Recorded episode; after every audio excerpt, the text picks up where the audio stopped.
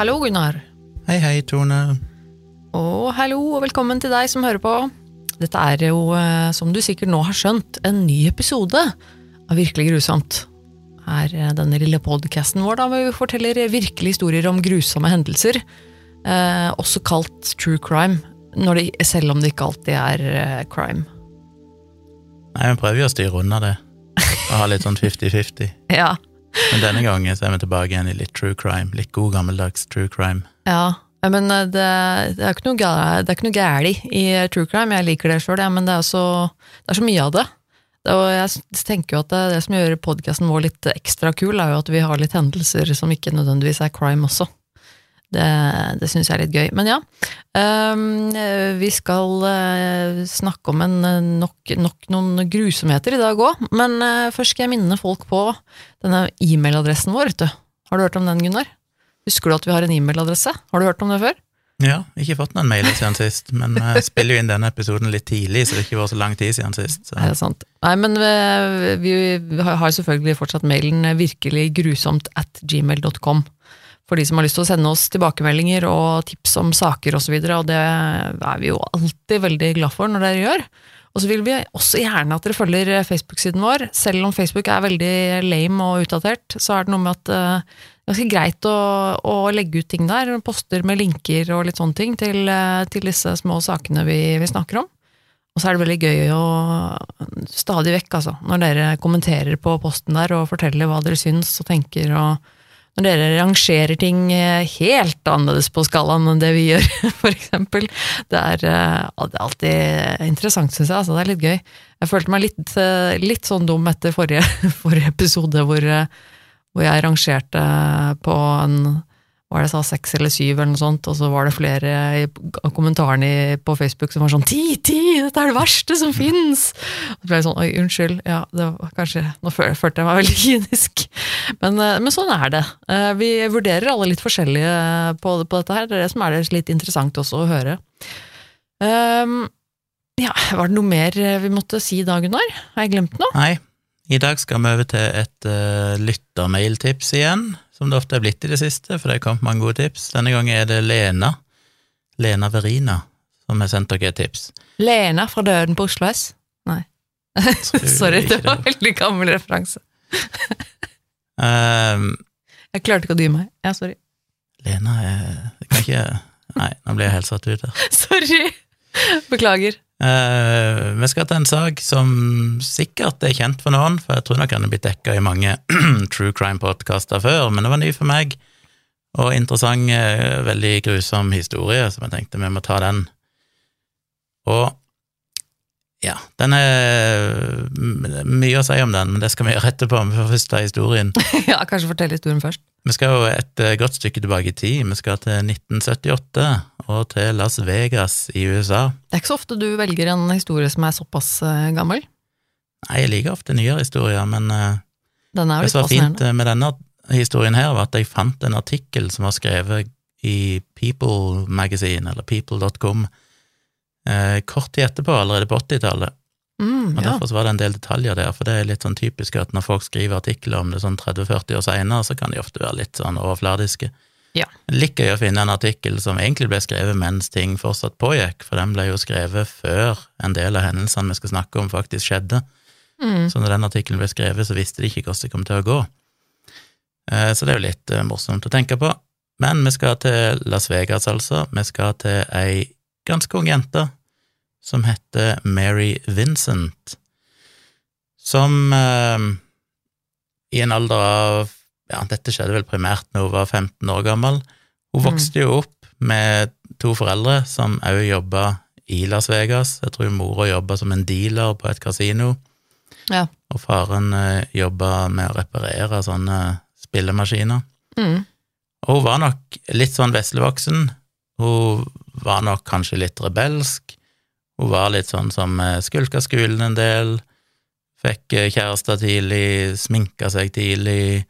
Mye sånn som kanskje var litt utradisjonelt. Litt sånn veslevoksent. Men kanskje likevel ikke så uvanlig, da, med tanke på at hun var liksom tenåring og var 15 år. Nei, Var det ikke så uvanlig å reb rebellere, rebellere litt mot foreldrene da? Men ikke noe sånn uh, uvanlig eh, greier, tror jeg. Virka som hun var ganske Nei da, sånn hun hadde nok en helt ganske normal oppvekst, virker det som. Det er ikke noe problematisk der. Eh, Men den sommeren da hun var 15, så eh, Og det var vel i 1978, så stakk hun av med kjæresten sin.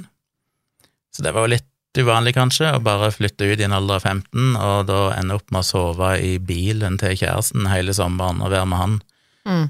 Og det var sikkert fryd og gammen, det, helt til kjæresten plutselig ble arrestert av politiet fordi han visstnok skulle ha voldtatt ei annen jente som gikk på mm, high school, eller videregående, blir vel det, i Norge. Så han var kanskje ikke mors beste barn, så det sier vel kanskje litt om den typen folk hun kanskje hang med òg. Så hun måtte tilbake igjen. Så vidt jeg skjønte, så flytta hun ikke inn igjen til foreldrene, men hun fortsatte vel og fant vel ut hun skulle reise til bestefaren sin, som bodde i California. Så hun eh, begynte den reisen, eller først så hadde hun vel flytta inn Nei, hva var det? Ja, hun hadde visst vært litt sånn fram og tilbake. Hun hadde tidvis bodd, tror jeg, med en onkel som bodde i en sånn liten landsby et eller annet sted, eh, istedenfor å reise hjem til foreldrene sine. Og så en morgen så fant hun ut at nå skulle hun reise til bestefaren sin i eh, Ja, hun skulle til Los Angeles. Og det var et godt stykke å reise, så hun sa farvel til onkelen sin som hun bodde hos, og begynte å gå langs veien og haike. Og Vi var innom det i tidligere episoder, at haiking var jo en vanlig ting før i tida, det er mye mindre vanlig nå. Ja, i hvert fall sånn på, på 70-tallet var det jo ganske vanlig, har vi fått vite, liksom, at eh, det, det var veldig sånn avslappa og normal holdning til det å haike, og det var visst eh, en ganske normal måte å ta seg frem på. At man liksom bare gikk langs veien, og så bare haika man til man fikk sitte på med noen, og så var det på en måte veldig vanlig. Og det slutta nok litt utover 80-tallet, og iallfall 90-tallet, så ble det ganske slutt på det. Og det var sikkert litt fordi det var noen sånne hendelser, blant annet som vi snakka om tidligere, og mm. denne hendelsen her. For det gikk ikke så bra for hun stakkars Mary Vincent i det hun haika. Eh, Det kom til slutt en bil som stoppa henne. I bilen så satt der en mann på 50 år som så ganske så trivelig ut. Eh, hun sa vel, har vel senere sagt, at han ga henne litt sånn bestefar-vibber, Ja. minna litt om bestefaren hans. Mm. Han fremsto som en veldig hyggelig fyr. Han sa jo blant annet til henne at eh, ah, han hadde sjøl ei datter på den alderen, og egentlig så skulle han til Reno, men sa at han gladelig kunne kjøre en annen vei for å hjelpe henne til å komme til Los Angeles, der hun skulle. Så hun valgte å stole på han. Det hun ikke visste, var jo at han ikke hadde den beste historikken. Han hadde vel jobba som sjømann i mange år, reist rundt på havet som en selger, var ganske sterkt alkoholisert, hadde tidligere blitt eh, dømt for det som de på engelsk kaller 'contributing to the delinquency of a minor', som vil egentlig bety at han har Ja, altså delinquency, det er jo sånn småkriminalitet. Ja, altså sånn, han har lukket noen småunger, eller manipulert noen til å være med på et eller noen annet. kriminelle ting. Ja. Ja. Blir det ikke noe sånt i år, tror det? Ja. Så han var ganske mild og rolig når han var edru, men han kunne bli en forferdelig hissig og voldelig fyr når han drakk. Han hadde jo vært gift to ganger, først med ei som heter Shirley, 1971, som han skilte seg fra i 1971, og så gifta han seg med ei som heter Mary Collins, som han, gift, nei, som han skilte seg fra eh, ganske kort tid før han møtte Mary Vincent den dagen. Så det var jo kanskje en grunn til at han var i dårlig humør, jeg vet ikke. Mm. I tillegg så hadde han jo denne tenåringsdattera, det var jo sant, ei som heter Deborah. Og hun var nok kanskje litt lik Mary Vincent. Hun var ikke spesielt eh, velvillig mot at han var en ganske sånn autoritær farsfigur, og protesterte noen det, og aksepterte ikke helt hans måte å oppdra på. Og de hadde hatt en ganske alvorlig krangel tidligere det året, tror jeg, mm. og egentlig aldri blitt venner igjen etter det. Oh, ja. Så han hadde en del eh, trøblete fortid, og ble vel òg kalt for å være en, eh, en kvinnehater, Just det. generelt sett, ikke behandla kvinner spesielt bra. Men det visste jo ikke Mary Vincent, så hun satte seg inn i bilen til en tilsynelatende hyggelig fyr, og de begynte å kjøre. Etter ei lita stund så skulle hun fyre opp en sigarett, og idet hun fyrte opp den røyken, som er jo kanskje litt utradisjonelt, 15 år gammel, 15-åring som røyker, ja det er kanskje mer vanlig i den tida, Ja. så nøys hun. Og idet hun nøys, så la han Jeg vet ikke om jeg har sagt navnet på han ennå, men han heter altså Larry, Larry Singleton. Så la han hånda på nakken hennes og spurte om det gikk bra med henne. Og det opplevde hun som eh, litt vel fysisk, litt creepy, så hun trakk seg unna. Ja, for han spurte om, om hun Er du syk, eller noe sånt, var det ikke det? Ja, han spurte om det gikk bra. ja, Og sa vel egentlig han skulle kjenne på henne for å sjekke om hun hadde feber. ja, Liksom. ja, det var noe sånt. Men det syns jo ikke hun så var så veldig stas. Nei, hun syntes jo det var litt ekkelt, det skjønner jeg jo. Og på tross av at hun egentlig var ganske det jeg vil kalle for street smart, hun hadde jo vært en del ute og stukket av mye og levd med kjæresten sin på gata og alt mulig sånn, så en skulle kanskje tro hun ville være mer på vakt, men hun var nok kanskje litt naiv i det tilfellet, og valgte å, å tenke at dette er sikkert ikke farlig, så hun ble bare sittende i bilen og følge han videre. På veien så sa Singleton at han måtte stikke innom huset sitt i nærheten av San Francisco for å, å ta med seg noe skittentøy. Og hun ble med han der. Det hjalp han til og med med å bære noen sånne poser eller et eller annet med skittentøy. Og idet de skulle sette seg inn i bilen igjen, så begynte han å drikke fra en melkekartong som det åpenbart var alkohol i. Mm. Men uh, allikevel så virka det ikke som at hun egentlig reagerte noe spesielt på det, og etter de begynte å kjøre videre, så sovna hun i bilen. Neste gang hun våkna, så merka hun at nå kjører vi ikke riktig vei. Hun oppdaga plutselig at de var på vei imot Nevada istedenfor eh, mot California, eh, eller mot Los Angeles. Og da ble hun litt sånn oppjaga og merka at dette er ikke helt bra, så hun kjente bak setet sitt og fant der en, en lang, spiss pinne som lå bak, baki der på gulvet eller et eller annet, og trakk han fram og pekte han mot Larry og sa at jeg kan passe på meg sjøl, så snu bilen med en gang. Ja, for hun skjønte jo det at eh, han kjørte i feil retning. Og hun ble kanskje litt overraska, men han var ganske spak og bare gjorde akkurat som hun sa, og sa bare at du, jeg er en ærlig mann, jeg gjorde bare en ærlig feil, jeg skal ikke skade deg. Så han snudde bilen og fortsatte da å kjøre i den retningen som de egentlig skulle, og Mm. hun fortsatte å sitte på. Etter de hadde kjørt ei stund videre, så måtte han tisse. Så han eh, kjørte av veien i nærheten av en eh, det var vel en rasteplass eller et eller annet, i nærheten av en sånn canyon, hva heter det på norsk? Igjen så Canyon, ja, het, har vi et norsk ord for det? holdt på å si krater, men det er jo ikke det. Men altså en ravine, Ja, ja ravine er det vel kanskje, ja. Mm. som det jo er en del av i, i det området, Grand Canyon og alt det der. Mm. Så I nærheten av der så stoppa han, og han gikk for å tisse, og Mary gikk òg ut av bilen og tissa langs veien.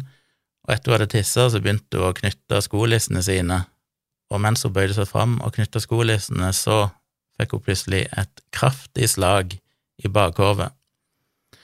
Eh, noen plasser står det at det var med en hammer, andre plasser virker det som at han gjorde det med hendene, det vet jeg ikke Mm. men han slo atta en gang, sånn at hun falt i bakken.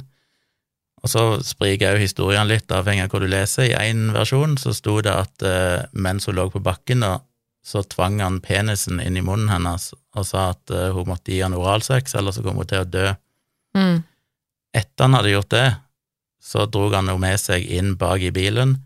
I andre versjon av historien så står det bare at han, etter han hadde slått henne ned, så drog han henne inn i bilen, og der sa han ikke skrik, ikke lag en lyd, ellers kommer jeg til å drepe deg.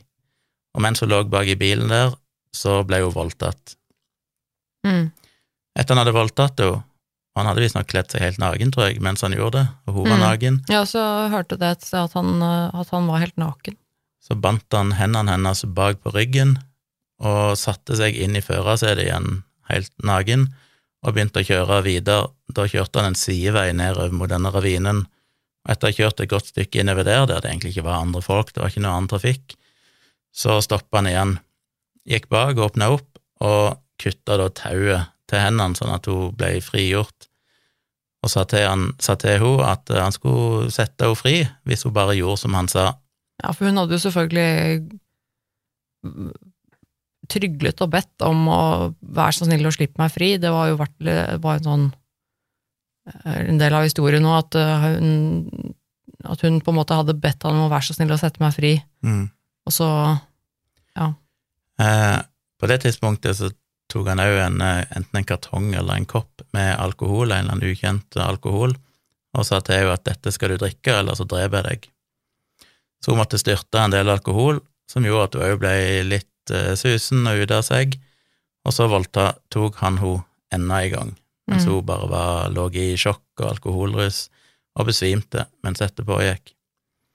Da hun igjen kom til bevissthet, så sa Larry Singleton til henne at hun skulle komme seg ut av bilen og legge seg på veikanten, eller ved veikanten.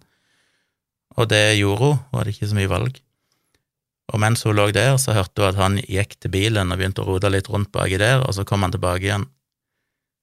Og da han kom tilbake igjen, så hadde han med seg ei øks i hånda, og tok tak i venstre hånda hennes og holdt den fast, langs, holdt den fast nede på bakken, og så ropte han til henne så du har lyst til å være fri, jeg skal sette deg fri, Mm. og så hogde han av henne venstre arm rett under albuen med øksa. Etter han hadde gjort det, så tok han og gjorde det samme med høyre armen. Så han kappa rett og slett av henne begge underarmene.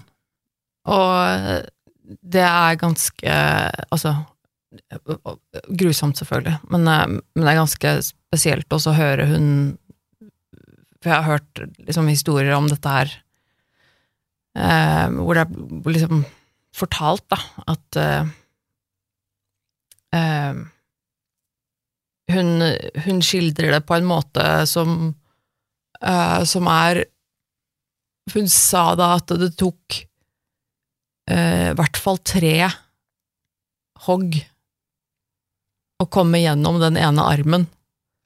Og hun prøvde jo å kjempe litt imot, og hun, hun sa at hun holdt, hun holdt liksom igjen, og holdt hardt. Helt til hun på en måte skjønte at, uh, at hun fortsatt holdt, men at armen hennes ikke satt fast på kroppen hennes lenger. Så et, Mm. på et tidspunkt så beskrev hun at, at den løse underarmen hennes fortsatt hang fast, at han måtte gripe tak i den armen som, som, som var løs, for, for å liksom få den vekk fra han, fordi den, den avkappede armen fortsatt klamret seg fast Mm. Til han, altså i forsøk på, på, på forsvare det på et eller annet måte. Altså det var helt, eh, helt sinnssykt. Ja, det er jo ikke gjort på et hogg, så det å bare ligge der ved full bevissthet eh, Heldigvis, holdt jeg på å si, så var hun kanskje litt berusa av alkohol, som kanskje hjalp bitte grann. Jeg vet ikke hvor mye alkohol hun fikk i seg, men det å være med bevissthet og bare merke at noen står og hakker av deg armen, eh, er jo mildt sagt utrivelig. Og så hagge og løs på den andre armen Ja. etterpå, liksom. Fy Fy Så faen. bare ligge der og silblø, merke at du ikke er under armen lenger, altså blir jo kappa rett under albuen omtrent på begge sidene. Mm. Etter han hadde gjort det, så dytta han henne ned en ganske sånn bratt bakke, eventuelt utfor et stup, alt etter hvor du leser. Eh, En plass hørte jeg at det var sånn ti meter omtrent eh, stup, eller iallfall skråning, som hun ble rulla ned. Mm. Og der dytta han henne inn i en sånn betongrør, åpningen på et betongrør som stakk ut. Og der lot han henne ligge, og sa til henne at now you're free, nå er du fri. Så han holdt jo det han lovde.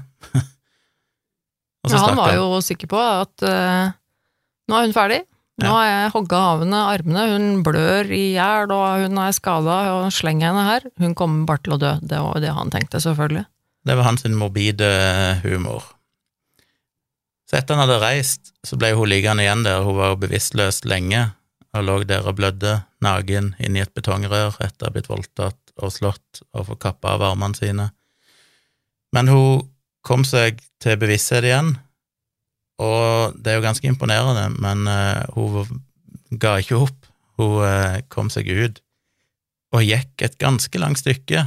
Så vidt jeg skjønte, så hadde det flere kilometer for å komme seg ut fra denne ravinen og langs Mm. denne veien inn igjen til liksom hovedveien. Ja, og hun blødde jo veldig.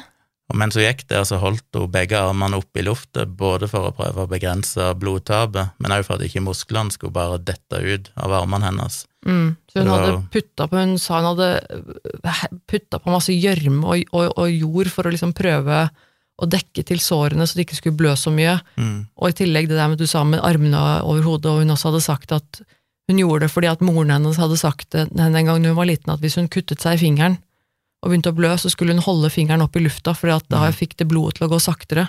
Så var det som gikk gjennom hodet hennes, da, at hun måtte bare holde armene opp sånn for å få blodet til å gå saktere. Mens hun da gikk og gikk og gikk og gikk, og skjønte at liksom, jeg kan, ikke gjøre noe annet enn å bare gå og prøve å finne noen som kan hjelpe meg. Mens Hun da helt naken, ikke sant? Helt naken Ja. og, for, og forslått og full av blod, og Jesus, altså. Hun gikk vel rundt fem kilometer eller noe sånt. Det er langt, Og, altså. eh, Og ifølge noen historier så var det jo flere biler som bare kjørte forbi henne, for du kan jo tenke deg det synet du kommer gående, og der går det ei naken tenåringsjente med avkappa armer, sannsynligvis dekka av blod. Ja. Det er kanskje forståelig at noen fikk sjokk og tenkte at dette er en prank eller et eller annet. Eh, Hun, ja, hun det er sa, vanskelig å ta det seriøst. hun sa jo faktisk det selv også, at når hun kom til den veien og, på en måte, og så at det kom en bil, at hun tenkte at herregud, jeg må jo se, jeg må jo se helt forferdelig ut. Mm. Uh, og så sa hun, ja det gjorde jeg nok også, fordi de bare de så vettskremte ut og bare speeda av gårde forbi meg og turte ikke å stoppe. Mm. Og det var i hvert fall, én bil, jeg vet ikke om det var flere, men det var i hvert fall én bil hun fortalte at som gjorde det, som ble bare livredd når de så henne. Tenkte jeg det må være litt av et syn, da. Jeg så en plass i hvert fall at det var iallfall én bil med to Mm. menn i som bare gassa på når de Ja. så henne, fordi at de, de ja, ble vel redde.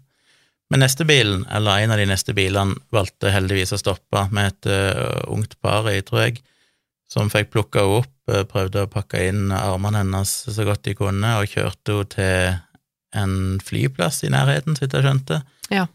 der de òg fikk tak på hjelp, og ble kjørt til sykehuset. Mm. Og der uh, fikk hun heldigvis god behandling, og de fikk fiksa ting så godt de kunne.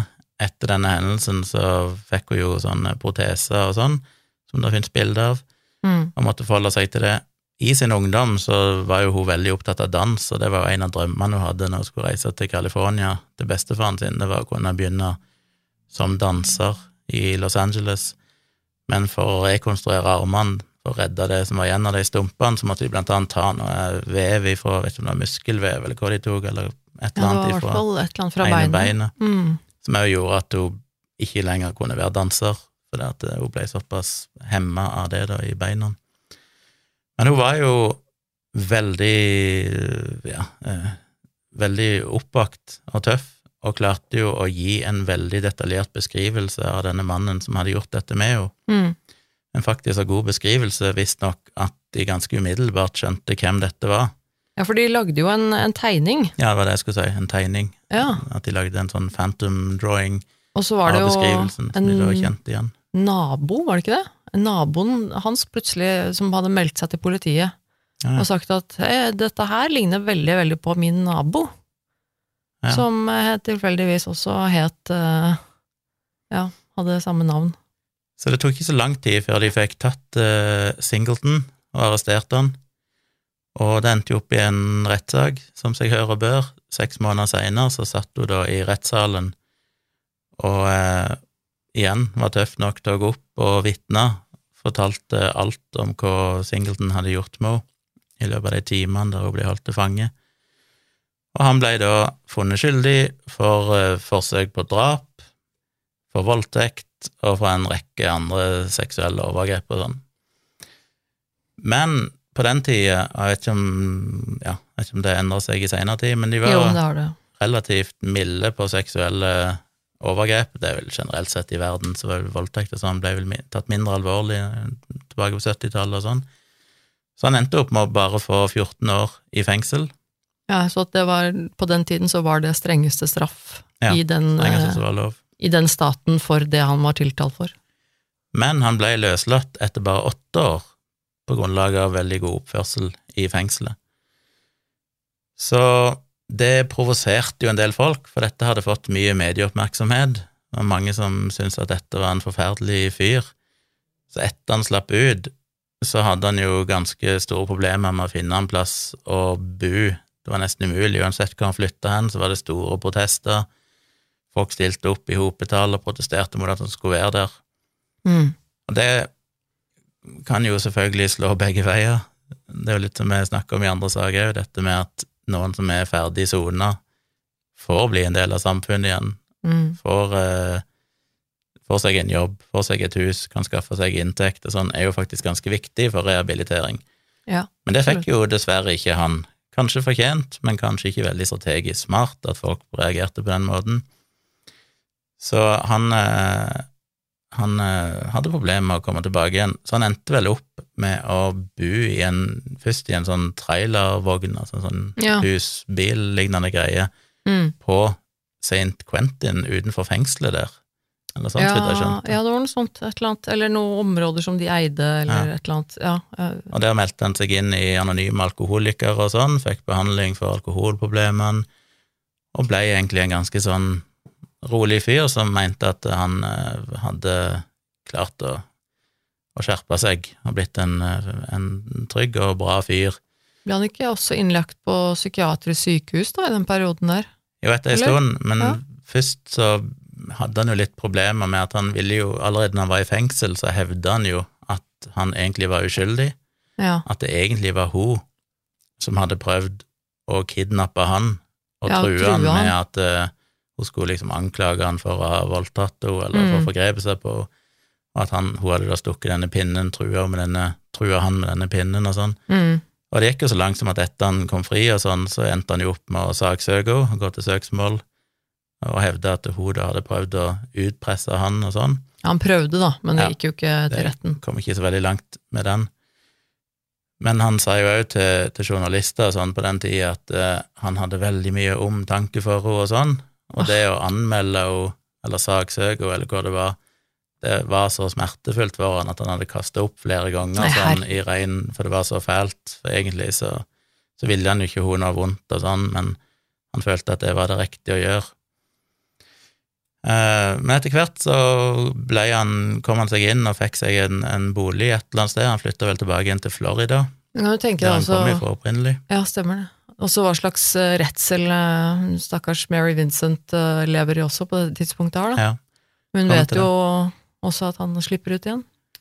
Han fikk flytta tilbake til Florida til slutt, og der ble han jo en, en god samfunnsborger i- ut ifra det alle trodde og følte. Han var jo en, egentlig en ganske populær fyr. Det var noen som visste hvem han var, hva han hadde gjort, men det var mange òg som ikke visste noe om forhistorien hans. Og han ble jo beskrevet som at han, han var en fyr som hjalp naboene sine og inviterte til grillfest, og Mm.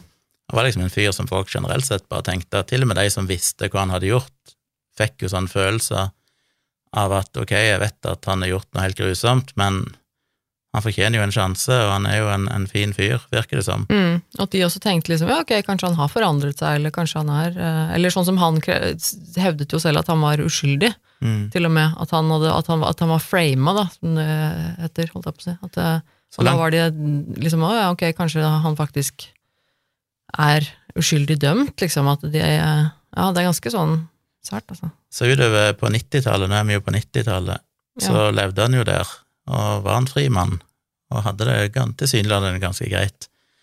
Den som ikke hadde det så greit, var jo Mary Vincent, fordi etter at alt dette her skjedde, så sa jo hun, og han har jo innrømt det seinere òg, at idet han ble dømt til fengsel, idet han gikk ut av rettssalen, så hviska han jo til henne at uh, han skulle fullføre det han hadde starta, om det så tok han resten av livet. Mm. Så hun følte jo at hun kunne aldri være trygg så lenge han var et eller annet sted. Så lenge han var i fengsel, var det jo én ting, men når han da slapp ut etter bare åtte år og bodde forskjellige plasser, så følte hun seg ikke trygg. Mm. Så hun sleit jo veldig. Hun eh, var vel omtrent på samme tid som han slapp ut av fengsel, sånn cirka åtte år seinere, tror jeg, så fikk jo hun en, en kjæreste som hun gifta seg med. Det forholdet varte ikke så fryktelig lenge, det ekteskapet, fordi hun sleit veldig med å, å, ja, med å, å gå ut i det hele tatt. Hun eh, klarte ikke å gjøre de enkleste ting. Hun endte opp med å utvikle anoreksi, gikk ned til ja, veide under 50 kilo, og var bare veldig, veldig redd. Og de neste årene så isolerte hun seg helt og egentlig levde i skjul, og ingen visste egentlig hvor hun var hen, og hun møtte ingen. Og... Så hun levde jo i en sånn terror, i en enorm frykt, fordi at han var jo der ute, han var jo en fri mann, og han hadde jo sagt at han skulle komme og ta henne igjen. Så hun, hun fikk jo ikke Altså, det var ikke bare det at hun ble utsatt for er bare i gåsehud, men ble utsatt for voldtekt og for hakka av armene og alt det der. Men i tillegg så fikk hun aldri noen frihet etter det, fordi hun Mm. alltid var redd for han. Ja, hun levde jo, hun sa jo det selv også, at hun, hun hadde jo veldig sterke posttraumatiske stresslidelser etter dette, så hun var jo ikke, hun kunne jo ikke jobbe, hun kunne jo ikke fungere ordentlig i det hele tatt eh, i, i livet etterpå. Altså hun Mm. må jo ha hatt det helt, helt forferdelig. Men så, en eh, del år seinere, så oppdaga plutselig naboene at det var noe rart på gang borti huset der Larry Singleton bodde. De merka at han gikk inn og ut av bilen flere ganger, og så var det noen som gikk bort for å kikke, og da fant de at bilen sto og sveiv, mens han Sveiv? Sveiv. Svev. Motoren gikk. Og på tomgang, liksom? Ja. jeg har ikke hørt det uttrykket før, beklager. dialekt. Eh, I en versjon jeg leste, så hadde han visst kobla et rør til eksosrøret som han rett og slett sto og sugde på, og inhalerte eksosen for å prøve å ta livet sitt, da virker det som. Mm. Så han var jo ikke helt uh, i god form. Uh, men de, så han ble lagt inn på psykiatrisk etter det, var en stund på psykiatrisk, men ble skrevet ut igjen ifra det.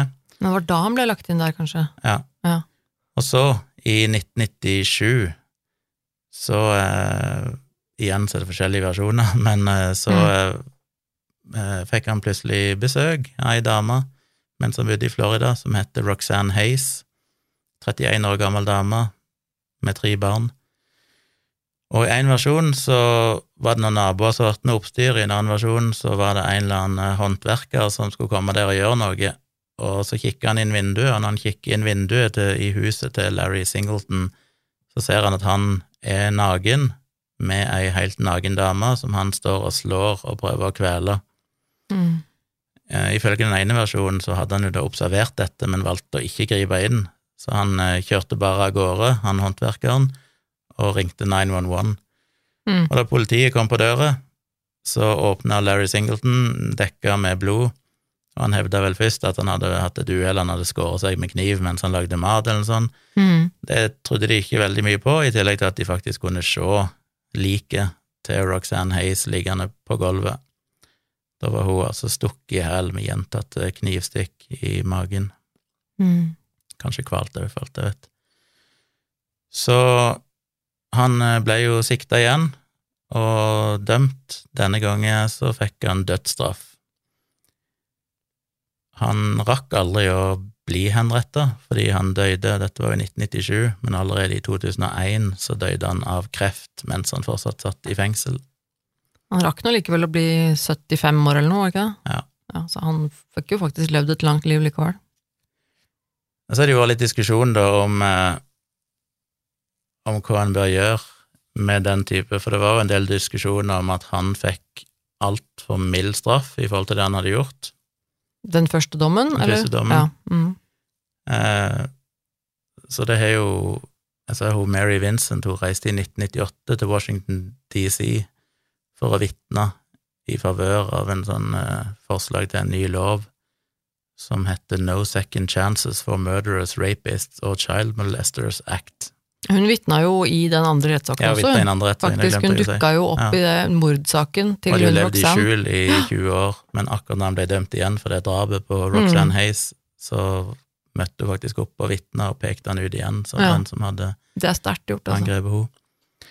Når jeg sa at det var, han fikk besøk av en kvinne, så i én versjon så det jo, blir jo hun omtalt som en eh, sexarbeider, Mm. og det viser seg jo da at han vel hadde en historikk med at han hadde en del eh, prostituerte på besøk. Eh, men hun var jo gift og hadde en mann, og politiet har vel sjøl sagt at de hadde ikke noe grunnlag for å si at hun var sexarbeider, Nei, okay. så det kan være at hun var der av andre årsaker, selv om det mest sannsynlig er vel kanskje at hun var der eh, er jo av den grunn. rart å tenke at eh, Eller Ja. det er i hvert fall den mest sannsynlige grunnen til at hun var der. Det er på en måte ikke så veldig mange andre sannsynlige grunner til at hun plutselig bare skulle komme på besøk til han, liksom. Mannen hadde vel bare sagt at hun hadde gått ut for å handle noen dagligvarer, Ja. og så hadde han ikke sett henne igjen da, etterpå.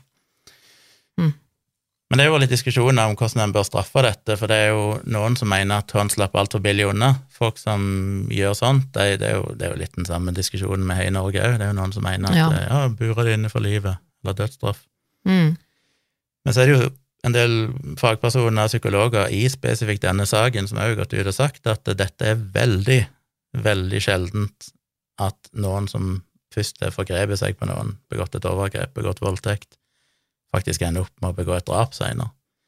ja. Som vi vet, så er jo de som begår overgrep mot mindreårige, der er det jo faktisk veldig liten gjentakelsesfare. Den er jo lavere enn for de fleste andre typer kriminalitet. Mm. Så den ideen om at hvis du har begått overgrep mot en mindreårig, så bør du straffes ekstremt hardt, er det jo mange som mener det er ikke humant. For det, det er ikke noen grunn til å anta at denne personen nødvendigvis vil gjøre noe igjen, og enda mindre at de vil drepe noen. Så det er mange Ja. som har reagert på at denne Larry Singleton-saken har blitt brukt som liksom argument for at vi må ja, litt som da tydeligvis Mary Vincent òg jobba for, at Mm. det skulle ikke være noen second chance, som kanskje betyr at de mer eller mindre skal bures inne for livet. Ja, for hun jobbet jo med denne, dette lovforslaget med at eh, det var eh, folk som hadde utført overgrep mot barn, voldtekter og, og et eller annet sånt noe. Eh, I hvert fall de type, den type kriminalitet, at det skulle være såkalt liksom, no second chance, eh, og at de også skulle få eh, at, det var, at livsvarig fengsel eller dødsstraff skulle være liksom eh, go to-straffen for den type kriminalitet også. Ehm, og det fikk hun da ikke gjennom lovforslag for. Men det, det at han til slutt ble fengsla med dødsstraff, og ja, til slutt òg døde, gjorde jo at hun på en måte endelig ble en fri kvinne sjøl. Mm. Da kunne hun endelig liksom vise seg igjen og få tilbake igjen livet sitt til en viss grad. Og har jo heldigvis klart seg ganske bra siden den gang. Ja. Hun har jo i seinere tid fikk hun barn, hun var vel to eh, sønner som nå er voksne. Ja. Hun ble jo en ganske flink kunstner. Ja. Så hun er ganske ettertrakta kunstner, så vidt jeg har skjønt. Med proteser så Ja. driver hun og lager kunst. Mm. Og ofte så er portrettene eller de maleriene hun lager, er gjerne av eh, tøffe kvinner som fremstår som sånne eh, actionfigurer, Oh, ja. som kanskje ikke er helt Jeg har faktisk ikke sjekka kunsten hennes, det har jeg ikke gjort. Nei, jeg bare um, Mm. Hun er jo klart sjøl å modifisere den ene protesen hennes ved hjelp av noen sånne deler hun fant og bygde inn, sånn at eh, den er blitt bedre. At eh, den kan beveges på andre måter enn det den opprinnelig skulle kunne gjøre, som gjør at hun lettere kan gjøre- lage disse illustrasjonene sine som hun selv lever av å selge. Ja, Det er jo litt kult. Tydeligvis oppgående Ja, kreativ på mange måter. for jeg så hun hadde Hun har gjort en del intervjuer i etterkant, eh, og har jo snakket om eh, på en måte da hvordan hun har hatt det etter dette her, og snakket om hvordan livet har vært, og hvor vanskelig det har vært, eh, selvfølgelig, for henne. Og selvfølgelig at hun har slitt mye med, med posttraumatisk stress og depresjon og vært utrolig langt nede i livet. Og, Mm. Og hatt slitt med og det å kunne jobbe og sånne ting, og har vært på en måte ufør og ikke hatt noen jobbmuligheter og, det, og den, den type ting. Og i tillegg så var det også snakk om at de protesene som hun, som hun har, eller hadde, eller på en måte de som hun fikk, da, det var egentlig sånn type protese som burde som, som blir, altså de blir jo brukt hele tiden, så de blir slitt, så de burde egentlig byttes ut eh, med jevne mellomrom. Lurer på om noen sa altså, de burde egentlig kanskje byttes ut årlig, eller noe sånt, og det blir jo stadig på en måte bedre og bedre teknologi på sånne ting også. Men det som var problemet med henne, så for helt sikkert veldig mange andre også i USA, i hvert fall, og sikkert andre land òg, er jo at det er fryktelig dyrt. Ja. For det er jo ikke noe du får på noen måte støtte for, det er jo noe de må, liksom må kjøpe selv. da. Så hun hadde jo på ingen måte råd til å liksom drive og kjøpe seg noen nye proteser liksom årlig, eller liksom få fiksa på det, for hun, hun hadde jo ikke jobb engang, liksom. Hun jo, måtte jo slite for å få det minste Jeg vet ikke hvordan de protesene er nå, men de opprinnelige hun fikk, det er jo sånne med sånne metall eh, med basically bare sånn klør. kroker. kroker nesten. Mm. Det er et bilde av her fra 2009, men der ser du ikke protesene, så jeg vet ikke helt om de er blitt mer avanserte. Ja, for jeg har også sett noen er bilder av sånn henne, og det ser jo ut som hun heldigvis har fått noe litt bedre eh, opp igjennom, da. Men, eh, men hun, hun sier jo det selv, at det er jo det er jo et slit hele tiden med, med de protestene. Det det skjønner jeg jo, selvfølgelig. Eh, Hun kan jo på en måte ikke leve som de fleste andre av oss, på en måte, med Og det hun også snakket om, som var sånn, sånn type eh, sorg med det, da, som man jo kan forstå, det er jo det at hun Altså, hun har jo heldigvis selvfølgelig da overlevd og faktisk eh, fått to barn, men det var litt sånn som hun sa selv, at hun har jo på en måte aldri kunnet eh, ta på sine egne barn. Hun har jo faktisk aldri kunnet bruke hendene sine og kjenne huden på til barna sine når de blir født, ikke sant. Det, er litt sånn ganske spesielt, altså. Det er jo interessant å lese den artikkelen jeg nevnte for People Magazine, som er skrevet i 1988, for den er jo skrevet da like etter at uh, Singleton kom ut av fengselet første gang, Mm. men var fortsatt mer enn ti år før han endte opp med å begå et drap og bli fengsla på nytt. Så den er jo skrevet litt sånn sympatisk rundt han, da, at nå bor han i denne husvogna ved dette San Quentin-fengselet, Mm. og ingen helt vet hva han skal gjøre etter han slipper fri derifra. Sånn, det, det er litt sånn rart å lese en historie som er skrevet på et tidspunkt der ingen av de visste hva han faktisk kom til å gjøre seinere. Mm. Men der skriver de jo litt om eh, Mary Vincent, hvordan hun hadde det, og en av tingene psykologene hennes, eller andre psykologer som har jobba med den type overgrepsofre og sånn, og sånn folk som har vært utsatt for spesielt voldelige, spesielle ting, Mm. det at de føler seg ekstremt isolert fordi de har opplevd noe som er helt utenkelig, og de blir stadig vekk minnet på det. Ja. Men òg det at det er veldig vanskelig for de å egentlig knytte bånd til folk, fordi at de fleste, eller ofte, når folk tar kontakt med de, så er det egentlig fordi de er interessert i det som er skjedd med de, Ja. at de blir litt sett på som en sånn kjendis og sånn, og noen finner òg at det kan være seksuelt attraktivt, at de har vært gjennom noe sånt, og at det er liksom Mm. en eller annen spenning knytta til det. ja. Så det gjør det jo veldig vanskelig for de å knytte forhold eller å, å, å ha folk. Så hun levde jo i veldig På den tida så levde jo hun veldig anonymt. Dette var jo lenge før hun fikk barn sjøl sånn, så hun var jo egentlig bare seg alene. ja. Og veldig få som egentlig visste hvem hun var. Og hun ville helst ikke at folk skulle vite at hun var knytta til Singleton, for de ville egentlig bare skulle se på henne som ei, ei handikappa Ja, det står der single mother, så hun må ha fått et barn allerede på det tidspunktet, tydeligvis. Mm. Eh, Hun hadde én gutt, da, så hun fikk den ene sønnen tydeligvis allerede da. Mm. Men hun, hun sa jo sjøl at hun fikk jo aldri helt Sjøl om han ble dømt igjen og døde til slutt, så fikk hun ikke helt den roen som hun hadde håpet på. Nei. Men eh, sønnene hennes fant en veldig stor ro i det, og det tok hun i stor grad til seg, og følte at det kanskje var nok for hun òg, at de liksom endelig hadde fått, eh, fått litt trygghet og ro. Så det var historien om stakkars eh, Mary Vincent, som jo er en ganske så forferdelig historie. Det er liksom jeg har fortalt en tilsvarende historie før, meg som ble kidnappa og haika, og hun ble vel holdt fanga, det var vel ei som holdt henne fanga i en kasse og sånn i evigheter, Oh ja. Mm. som òg er en annen måte, og, som er helt grusom. Men det er noe spesielt grunn til at jeg ville fortelle den historien her, det var når jeg begynte å, å, å kikke på det, og så så jeg shit, han hakka av henne armene. Ja. Det er et eller annet med det. Det er litt som i den forrige episoden med de som fikk fostrene sine, men det er når du er levende live og bevisst, og noen begynner å gjøre å kirurgiske inngrep på deg, Ja, altså, ja. det er bare bare det å være bevisst og oppleve det at noen hakker av deg armene med en øks, Mm. det må være Lurer på det, de det- armene ble av henne, om de noen gang ble funnet igjen, eller Ja. Ja, men det er Ja. Nei, det er ganske det, det er liksom Det er bare så det, Jeg klarer ikke på noen som helst måte å, å, å forestille meg det. Singleton mente jo alltid at han var et offer. Han mente jo at hele den tida han satt i fengselet, så var alle fæle med han, media behandla han dårlig, og Merkelig. i rettssalen hadde han blitt behandla dårlig, og Men jeg tenker at han, han må jo være sjuk i huet.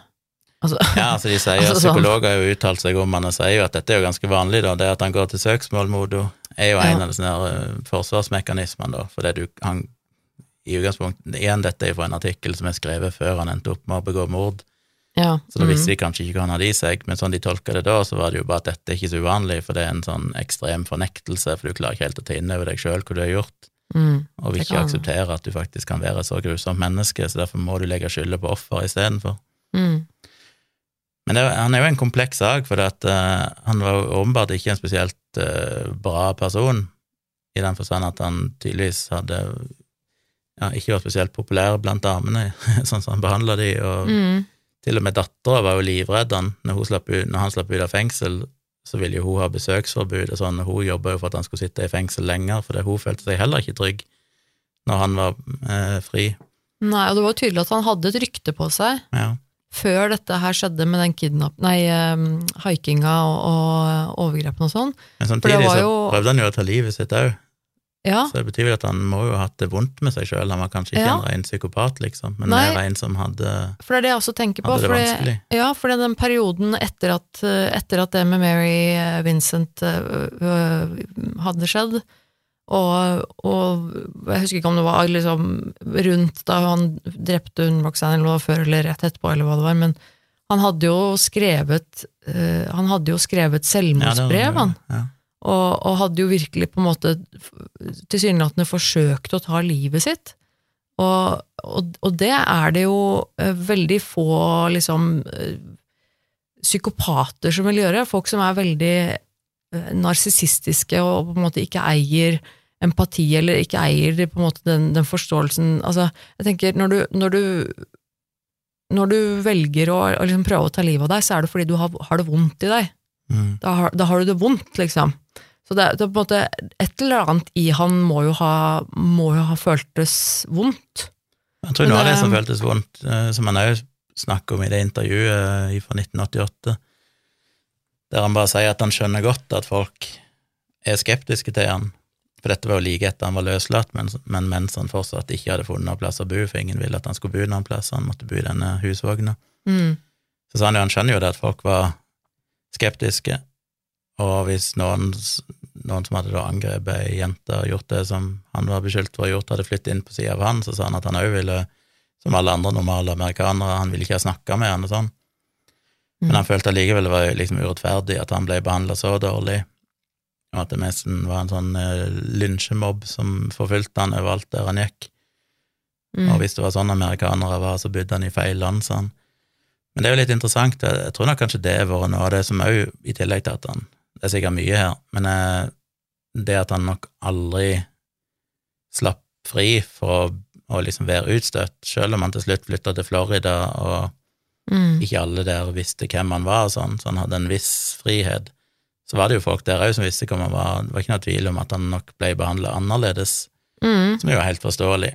Og det er jo litt sånn, når du tenker på det, sånn som de naboene beskrev han da når han flytta til Florida, eh, som beskrev han som en fantastisk nabo. Altså, de, de sa jo at han, som du sa, at han hadde jo liksom grillfester, og, eh, og en annen som, som jeg husker ikke hvor jeg så det, men som hadde sagt at eh, som i utgangspunktet var litt skeptisk til han, og som egentlig eh, syntes at han virka litt skummel. Men som, som da igjen og igjen hadde blitt overbevist om at ok, kanskje han faktisk har forandret seg, fordi at han stadig liksom kom med hadde, eh, hadde laget noe mat og kom med noe middag til naboen, ikke sant, og hele tiden veldig sånn eh, helt sånn ideell drømmenabo. Og så kan man jo tenke, ok, er det, er det et spill? Er det noe han gjør for å, for å på en måte lure folk til å tro at han har forandret seg, eller kanskje han faktisk prøver? Er det hans helt oppriktige forsøk på å snu om på ting? Og det, det vil vi jo aldri få vite, men det er jo Nei, jeg syns det er litt interessant å tenke hvis mennesker hadde vært i stand til å liksom tilgi skikkelig, Ja, som jo er dårlig til, ja på sånn generell basis, ja. og at han, når han slapp ut av fengselet, for det virker jo som at han kanskje prøvde å gjøre en jobb, jeg mener han valgte jo tross alt å gå på anonyme alkoholikere for behandling for alkoholproblemet sitt og sånn, Mm, det er jo mulig at han faktisk hadde lyst til å bli et bedre menneske. ja. Men når du da blir forfulgt av hat og protestaksjoner der hundrevis av mennesker stiller opp, og du får ikke bo noen plass, og til slutt må du flytte inn i ei nedslitt, gammel husvogn på et fengselsområde fordi du kan ikke bo noen annen plass. Nei, det er klart, det hjelper jo ikke på situasjonen. Nei, så jeg lurer på hvis han hadde, hvis vi hadde klart å ta imot sånne mennesker på en skikkelig måte i samfunnet igjen, og han kunne ha bodd og vært en del av fellesskapet og fått seg en jobb, og om det drapet til slutt noen gang ville ha skjedd. Ja, det kan man jo spørre seg om. Altså til en viss grad så tror jeg jo at eh, samfunnet har et ansvar der òg, liksom Ja, litt uten tvil. i at eh, sånne ting går galt fordi vi ikke klarer å tilgi. Ja, det er jo, det er jo eh, selvfølgelig eh, til syvende og sist eh, er det jo hans handling og hans ansvar, selvfølgelig, men jeg, jeg er jo helt enig med deg i det, at vi som, ansvar, vi som samfunn har jo et ansvar for hvordan vi behandler hverandre, og ikke minst hvordan vi behandler da de mest sårbare i samfunnet vårt. Og Mm. enten om vi liker det eller ikke, så er jo sånne situasjoner som det, sånne mennesker som, som han, i den situasjonen hvor han har eh, gjort noe kriminelt og kommer ut igjen etter å ha sonet, så er han en sårbar person. Han er veldig sårbar. Han er jo da helt alene i livet sitt og har ingen som stiller opp for han og aner ikke, ikke sant? Og da er det jo eh, Jeg tror det sier mye om oss som samfunn, hvordan vi behandler de menneskene der. Og, og Ja, det er synd, Ja. det er jo derfor det er så viktig med rehabilitering, og det å Selv om det er vanskelig, at vi anstrenger oss ikke så hardt for å se på folk som er ferdig sona, som, som er normalt individ i samfunnet igjen. Fordi selv om det er vanskelig, og selv om det nesten kan være umulig, mm, muligens er umulig for mange, Ja. Så er det jo ikke noe tvil om at det er det beste for alle. Ja. Det føles kanskje urettferdig, for du tenker at denne personen fortjener ikke å bli sett på som en normal person. Mm. Men det er bare den ikke vi klarer det, så ender det jo opp med at sånne folk, så lenge du er utstøtt og føler deg ja, føler deg utenfor samfunnet, og ikke klarer å skape din egen inntekt og alt det der, så er det jo det som gjør at folk ender opp med å begå kriminalitet på nytt. Jeg, jeg merker jo at jeg blir litt sånn litt frustrert over dette med at liksom dette Altså, å, men det er så urettferdig.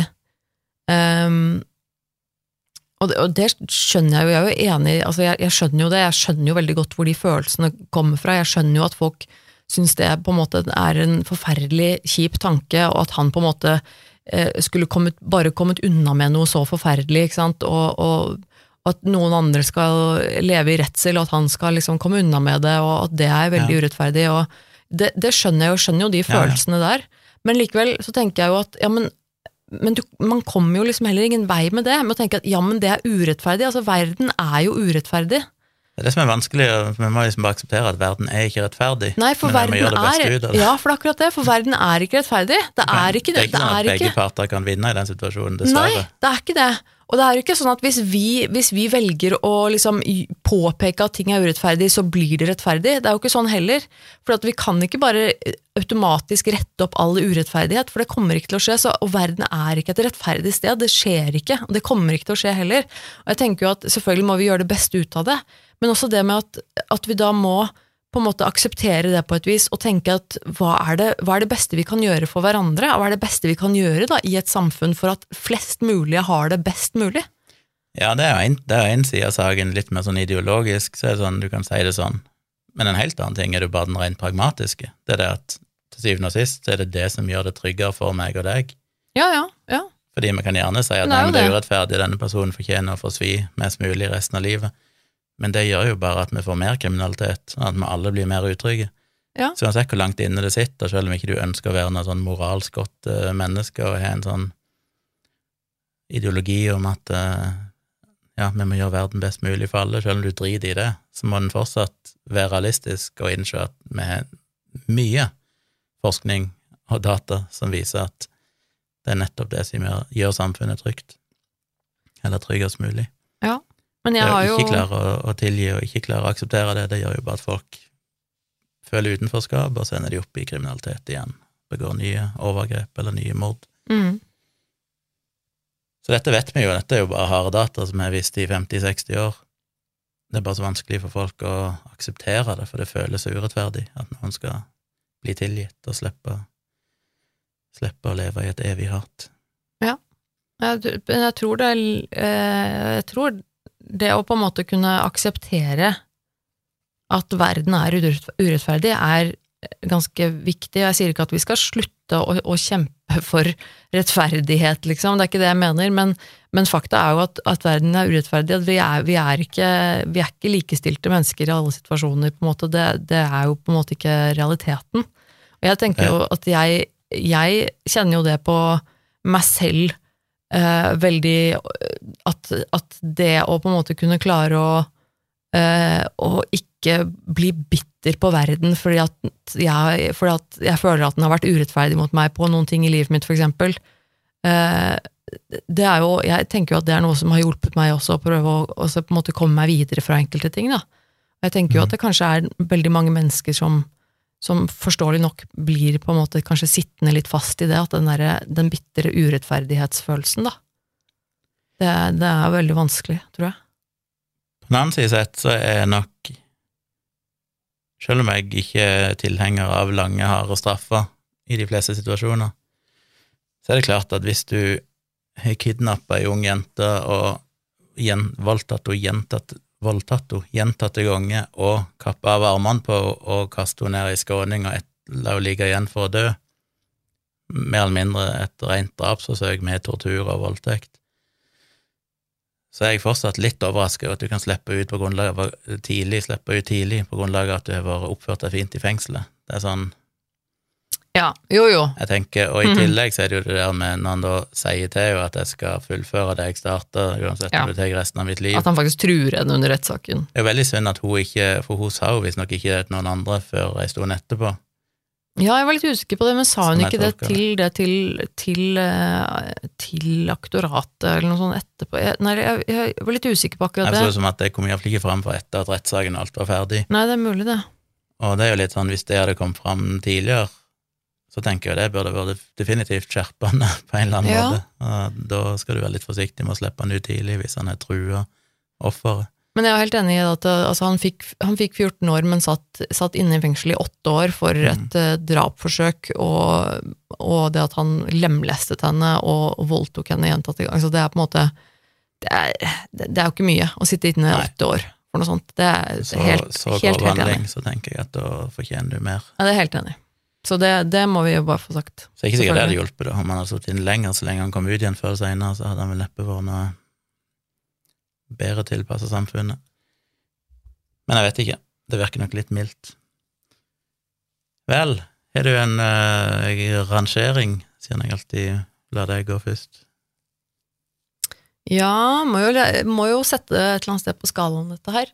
Um, Ei, ai, ai. jeg syns det er vanskelig, altså. Uh, den er jo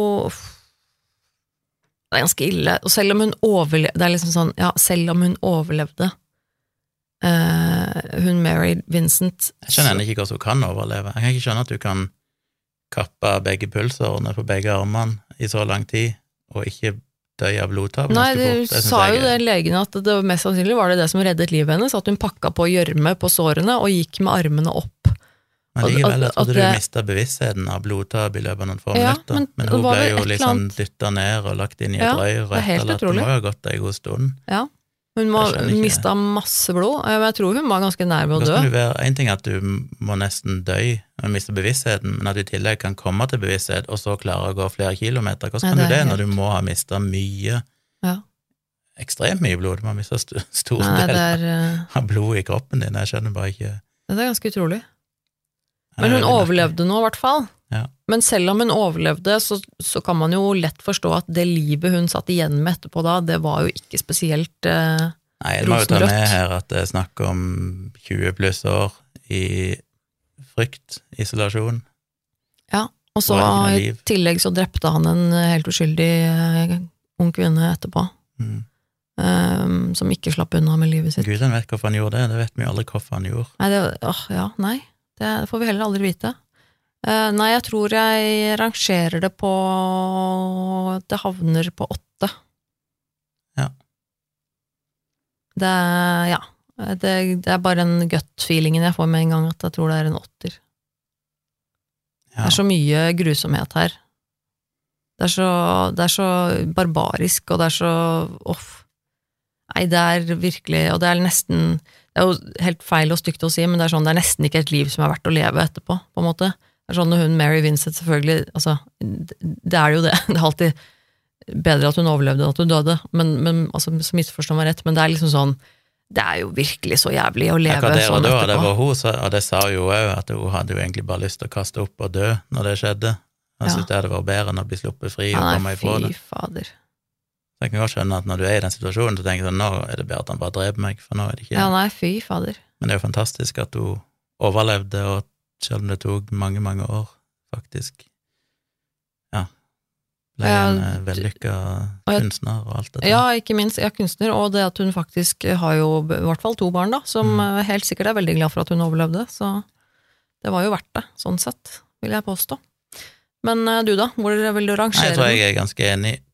Det føles kanskje rart, eh, jeg ga vel sju, jeg gjorde ikke det, forrige episode. Jeg tror det. Det var jo levende tortur, men der var det ikke noen Ja, det var, ja, det var litt vanskelig, da, for spørsmålet var om jeg ga det til én sak eller til alle sakene, eller konseptet. Ja, For der var det jo både drap, noen overlevde, noen overlevde ikke. ja det, er jo, det er jo på en måte eh, Så det er vanskelig å sammenligne. Men la, siden jeg syns det er så grusomt å få hakka av armene mens det er ved bevissthet, så, så sier jeg og voldtektene, selvfølgelig, og hele sulamitten, så det er vanskelig å gi det noe mindre enn åtte, tenker jeg. mm. Så da er vi jo spent, som vanlig, hva dere mener. Vi poster denne episoden på Facebook-sida vår på mandagen når nye episoder kommer. Med linker med. og, og bilder og sånn, hvis dere har lyst Noen til å sjekke det ut. dere kan se. Mm. Så følg med, Og skriv veldig gjerne en kommentar og si hvor dere vil plassere den ifra, mm, altså ifra 1 til 10 på grusomhetsskalaen. Null det er liksom i skjæringspunktet mellom at dette er en helt vanlig dag.